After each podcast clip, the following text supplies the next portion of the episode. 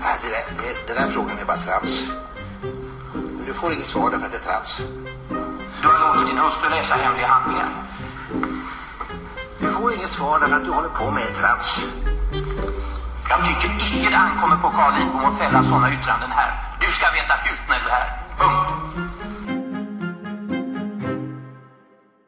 Hej! Det här är en extrainsatt T1-podd med anledning av kampanjen Hashtag MeToo.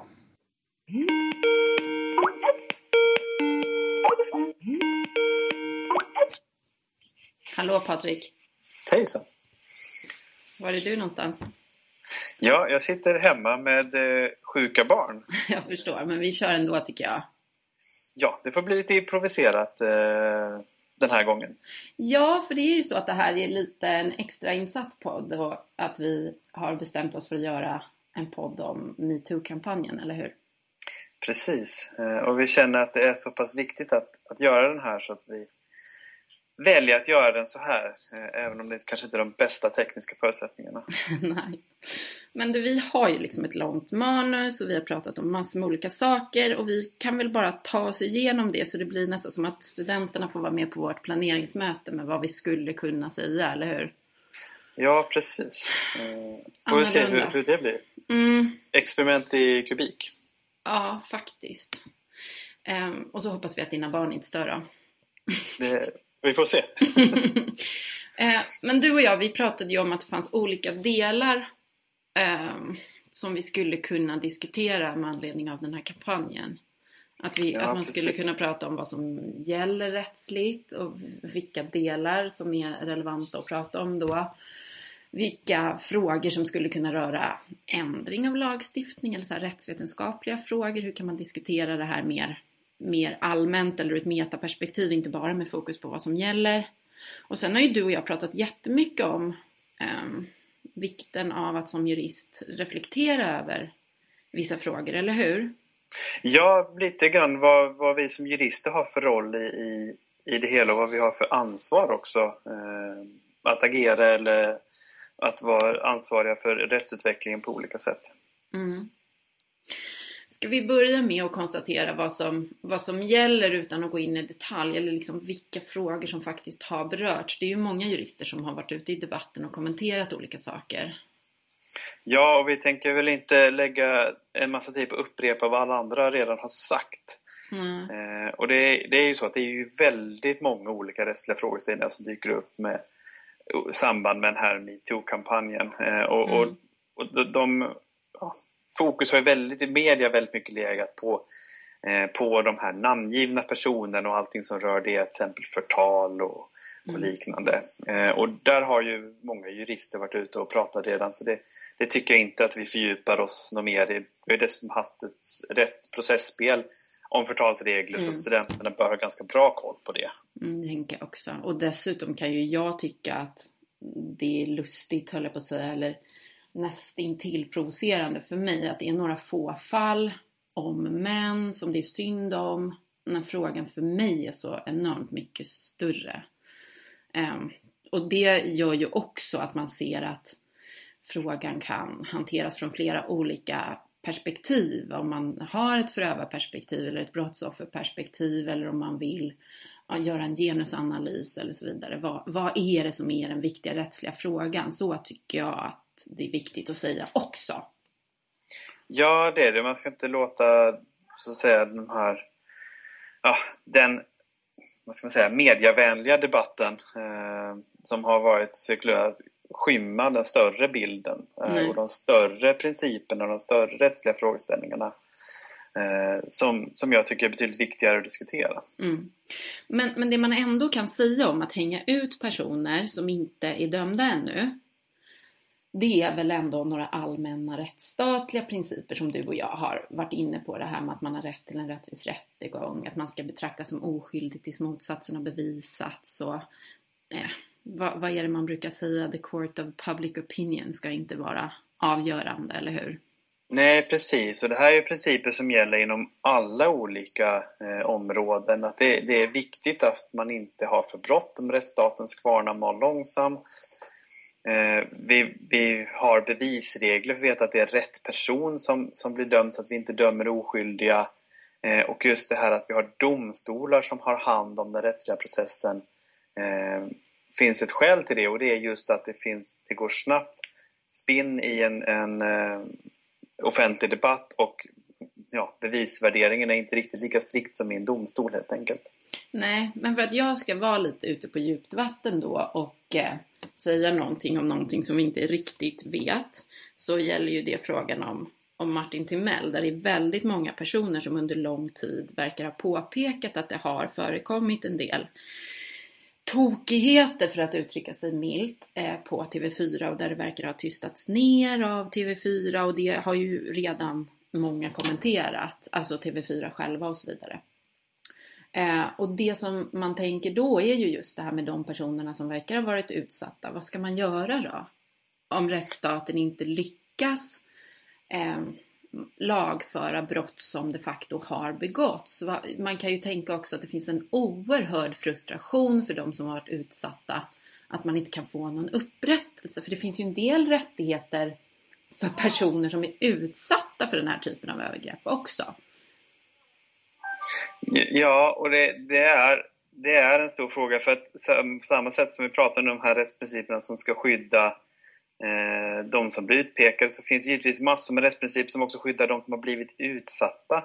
Mm. Om vi pratar om sexuella trakasserier, sexuella övergrepp så finns det ju rätten till sin egen kropp och den kroppsliga integriteten, rätten till privatliv som vi har i Europakonventionen. Mm. Eh, och det finns givetvis då strafflagstiftningen, sexualbrottslagstiftningen vi har också. Eh, och det, det finns en, en, eh, skyldighet för rättssystemet att utreda den här typen av kränkningar och att se till att förövarna... Precis. Mm. Och det, det, är klart att när vi då har ett rättssystem som inte klarar av det här, eh, för uppenbarligen är det så, det är utredningar som läggs ner, folk blir inte dömda. Jag hörde någonstans att det var en av tio anmälda våldtäkter som går till åtal. Och och då är frågan, ja, som du säger, vad ska man göra då när rättssystemet sviker en? Vad har man då för möjligheter att, att så att säga, eh, få rätt och, och få upprättelse? Mm. En artikel till, du nämnde ju rätten till privatliv i artikel 8 men det är ju även artikel 3 som kan bli aktuell, alltså rätten att inte utsättas för förnedrande behandling och bestraffning. Eller här är ju förnedrande behandling, förnedrande eller omänsklig behandling. Ja, precis. Och, rätt, rätt till kroppsliga integriteten. Precis. Ja, och staternas positiva förpliktelser har ju varit en, en fråga som också varit uppe på våran kurs. Att man förstår att, att staterna kanske inte bara ska låta bli att lägga sig i människors eh, integritet utan också har en skyldighet att, att skydda den.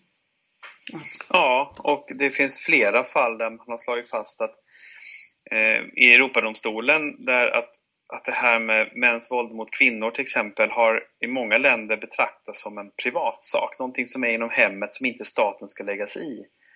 Ehm, och, och, det har Europadomstolen väldigt eh, hårt tagit avstånd till att nej, staten får inte vara passiv. Staten har en skyldighet att utreda de här brotten, att ta offret på allvar, att se till att eh, ställa eh, förövarna till svars. Mm.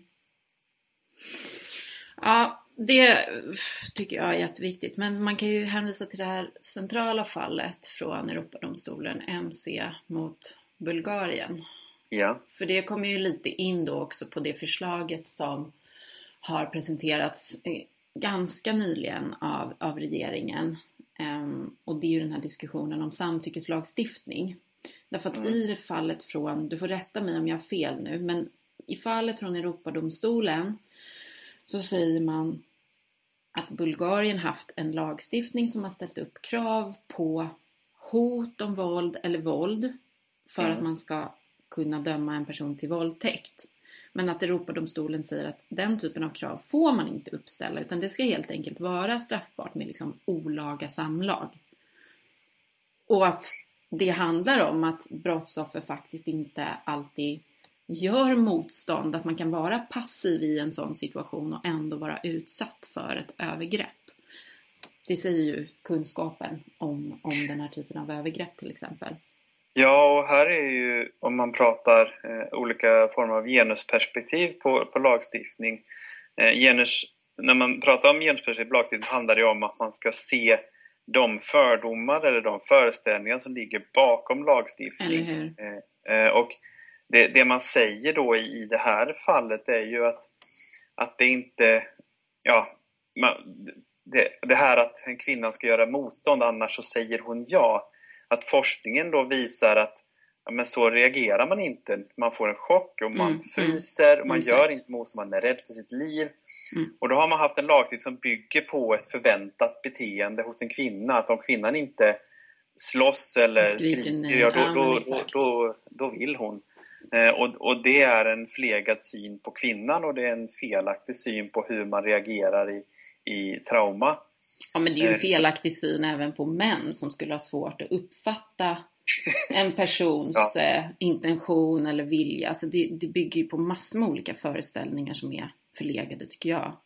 Precis, och de är viktiga. Där, där är genusvetenskapen, genusrättsvetenskapen kommer in och, och, och liksom, det går ut på att man ska se de här, för de här föreställningarna för att kunna mm. ja, förändra rätten och förstå att okej, okay, men det här bygger på felaktiga bilder av både om mannen och, och kvinnan och hur mm. de förväntas bete sig.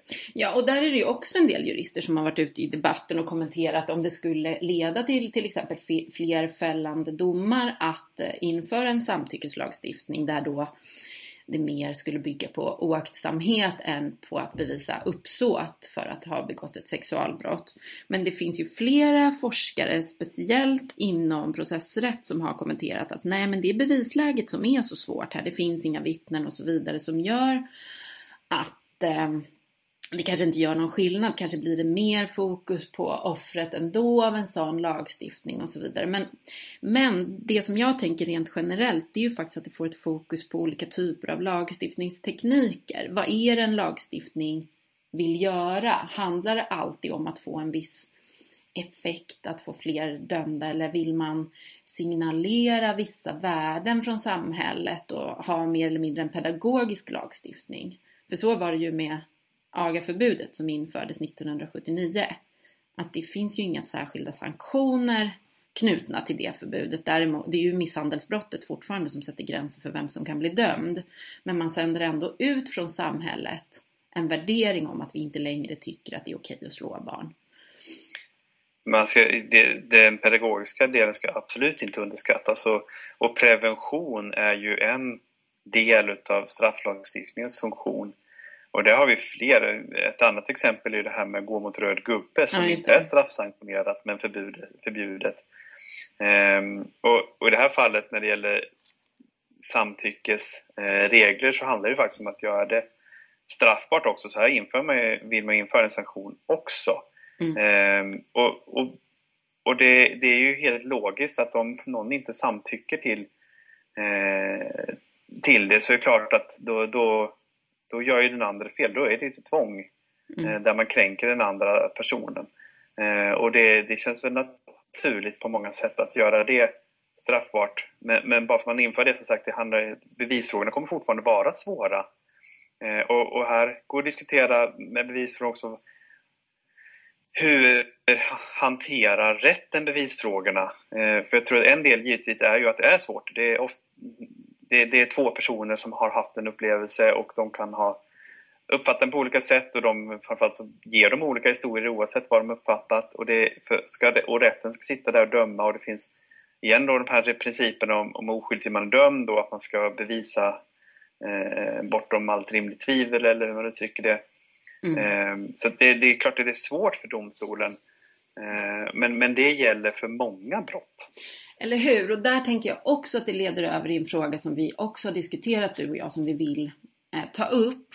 Och det är ju att även om du och jag skulle sitta här och föreslå en massa förändringar eh, till exempel att man kunde ha hårdare regler kring nättrakasserier eller lägre toleranströskel generellt för sexuella eh, övergrepp att sätta andra regler för bevisvärdering, lägre tröskel för åtal, olika typer av processuella regelverk så tycker jag att den viktiga frågan handlar just om attityder till de här frågorna. Nu har vi konstaterat att lagstiftningen bygger på kanske en viss syn på kvinnor och män och deras sexualitet på, som då skulle vara väldigt olika. Ehm, men att attityderna hos domstolarna påverkar ju, jag, jag vill säga naturligtvis, bevisvärderingen. Vad har vi för föreställningar? Påverkar, och där tänker jag på RF1.9, att man bara får beakta relevanta omständigheter, att det ska vara sakligt och opartiskt. Men kan man, men kan man vara det om man inte har kunskap på ett särskilt område, om man har vissa föreställningar om män och kvinnor och hur man, som vi var inne på innan, agerar i en viss situation och sådär. Så att jag tänker att metoo-kampanjen handlar om att förändra attityderna kring eh, sexuella trakasserier. Vad är det för någonting? Jag tror att väldigt många kvinnor eh, som skrev på till exempel Facebook eller andra sociala medier, metoo, att man fick reflektera även om man inte hade varit med om ett, en våldtäkt eller en, en allvarlig sexuell, ett sexualbrott så, så börjar man ju fundera och jag vet att det är så bland alla mina vänner och bekanta i alla fall att nej men sexuella trakasserier kan ju vara så oerhört mycket eh, mer subtilt. Att man i ett arbetssammanhang till exempel får en kommentar om man ser ut istället för det man har sagt på en konferens eller att någon tar på ens kropp eller att man... Alltså det finns ju så oerhört många situationer där kvinnor har det som en del av sin vardag att på något sätt bli objektifierad eller sett som ett liksom, sexobjekt. Eh, och den attityden tror jag, jag hoppas i alla fall att många har blivit förvånade över den otroliga mängden kvinnor som har utsatts för någon form av sexuella trakasserier. Tror inte du det? Jo, och förhoppningsvis så, så leder det, och det, det är det som vi började med just att inte låta de här enskilda händelserna överskugga den stora bilden. Mm. Att förhoppningen är ju att det här leder till attitydförändringar, att det leder till att eh, folk får upp ögonen för omfattningen av problemet och också att det leder till en diskussion om var gränserna går och hur man sätter gränser eh, på olika sätt och att både, både män och kvinnor deltar i den diskussionen för att kunna förändra ett samhällsklimat. Eh, och precis där, där, du började hela också med attityder inom rätten, jag tror det också är oerhört viktigt. Både med en offentlig debatt men också att man eh, ger domstolarna förutsättningar för att kunna hantera den här typen av mål genom utbildning på samma sätt som vi utbildar eh, speciella jurister att hantera barn till exempel så är det bra att ge juristerna kompetensen att hantera olika typer av sexuella eh, övergrepp sexuella trakasserier, hur hanterar man det? Hur använda sig med, forskningen för att förbättra? Hur får man fram bra bevisning i sådana här frågor? Eh, mm. och så vidare. Att man använder det här, tar det här tillfället att faktiskt ha en diskussion, inte bara i samhället utan också inom rättsväsendet.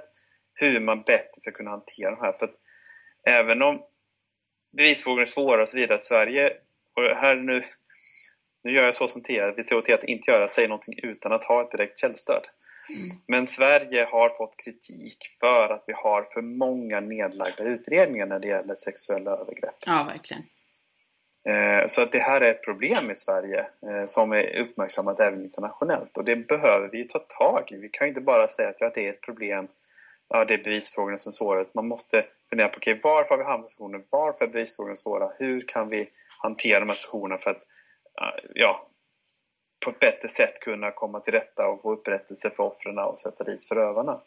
Ja, och samtidigt som jag kan tänka att det här är naturligtvis inte bara en rättslig fråga. Nu, nu anlägger ju du och jag ett rättsligt perspektiv, men det finns ju enormt många andra frågor som är relevanta här. Som handlar om samhället i stort såklart. Det får man ju inte glömma självklart. bort. Nej, självklart. Mm. Men det som egentligen är Eh, en sak man kan säga lite grann för att avsluta tänker jag, det är ju det här med det rättsliga samtalet. Och vad en juristutbildning ska ge för typ av kunskaper. Så har ju du och jag resonerat kring det här. Att mm. man behöver ha ett kritiskt perspektiv på rätten. Man behöver förstå att den kunskapen som är relevant och värdefull som jurist när man ska bedöma rättsliga frågor kan ju vara Eh, att, att ha kunskap om, om samhällsförändringar, att vara aktiva men också det, eller vad ska jag säga, in, insatt i den debatt som pågår i samhället om olika frågor. Och naturligtvis får man inte beakta irrelevanta omständigheter när man ska avgöra ett enskilt fall. Om du sitter och dömer i domstol eller om du avgör ett ärende på en myndighet, då får du bara beakta de omständigheter och de rekvisit som framgår av lagstiftning och rätten i övrigt. Men om man arbetar som rättsvetenskapare som du och jag gör när vi inte är lärare, då får man ju ha ett kritiskt perspektiv på rätten hur mycket som helst och att sitta som juriststudent och vrida och vända på juridiken, det är ju bara positivt att man klarar av att se juridiken utifrån och att fundera på vad som är motsägelsefullt eller om man kan hitta värderingar i rätten och så vidare. Det är ju någonting som man som jurist behöver börja öva på tidigt i sin utbildning. Ja, och där har vi alltså både vi som rättsvetare och också studenterna ett ansvar att, att anlägga det här kritiska perspektivet. Att studenterna tänker när de går igenom rättsfrågorna, när de analyserar och funderar och gör sina rättsliga analyser, att faktiskt fundera, okej, okay, i det här, vad har, har kön någon betydelse här? Finns det några fördomar bakom rätten som påverkar tillämpning, som leder till ett resultat som vi eh, inte tycker är riktigt? Vad är det som gör att vi kommer dit? Vad ligger bakom? Vilka fördomar, vilka föreställningar ligger mm. bakom rätten? Att man har med sig det perspektivet hela tiden, som, som en naturlig del av sin, sin process när man analyserar rätten. Och att vi lärare också är bättre på att få dem att använda de här perspektiven mm, och att, mm. att, att, integrera dem i undervisningen på olika sätt. Jag håller med om det, att man ställer frågor om varför är det så här eller vad tänker ni blir konsekvensen och så vidare. Att, att vi lärare gör det, jag håller helt med dig. Men man skulle ju kunna säga att det vi pratar om nu är ju lite grann juristens professionella ansvar eller vad innebär att vara jurist i vårt samhälle? Har juristen en särskild roll i samhället och vilken roll är det och så vidare? Eh, det tänker jag att man som jurist behöver fundera på eh, återkommande. Ja, också vilket ansvar vi har som jurister. För vi, det är ju juristerna som ska också så att säga, ta emot eh, anmälningar om sexuella trakasserier, sexuella övergrepp. Det är jurister som ska driva talan både för eh, kvinnan och för, då, eh, för mannen, förövaren. Eh, nu generaliserade du, men det tycker jag är okej. Ja. ja, men också rättsstatens principer, eller hur? Ja, och, och där är det viktigt att, att man faktiskt också någonstans funderar på ja, bemötandefrågor. Eh, är juristerna rustade för att eh, ta hand om eh, de här frågorna är vi rustade att möta en, en traumatiserad, eh, ett traumatiserat offer och ta emot en berättelse och kunna extrahera det som är viktigt och kunna eh, så att säga både så att säga, ha det rättsliga perspektivet men också det mänskliga perspektivet mm, mm. Eh, som jag tror att vi jurister kanske är lite sämre på eh, att hantera. Jurister är också människor. Precis. Vi glömmer det ibland. Ja. Patrik, det får inte bli för långt det här. Jag tycker vi ska avsluta. Ja. Jag tror att vi har fått med de viktigaste punkterna som vi ville få med. Jag tror också det. Eh, och uppmaningen är helt enkelt att vara, vara kritiska. Eh, och man måste inte alltid, framförallt inte som student och rättsvetare, acceptera rätten som den är utan att jobba för förändring på olika sätt. Ja, det är helt okej. Även, förutom när man sitter i domstolen och ska döma. Ja, då, då måste man ju döma i det enskilda fallet. Då, domstolen har ju det jobbiga att de måste döma. De kan inte säga att nej, det här var jobbigt, mm, tyvärr, mm, jag har inget bra svar på frågan. Nej, nej. Nej där blir man, eh, juristen blir, vad ska man säga, ehm, man måste förhålla sig till en, en dikotomi. Det är ett eller noll, av eller på, ja. liksom ja eller nej. Så är det ju.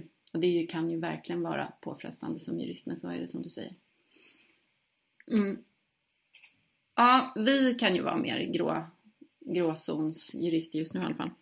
Ja, precis. Mm. Men du, vi, vi hörs eh, på universitetet. Nu hoppas vi ja. att tekniken är med oss och att det här går att lägga upp och att man hör och allt det där.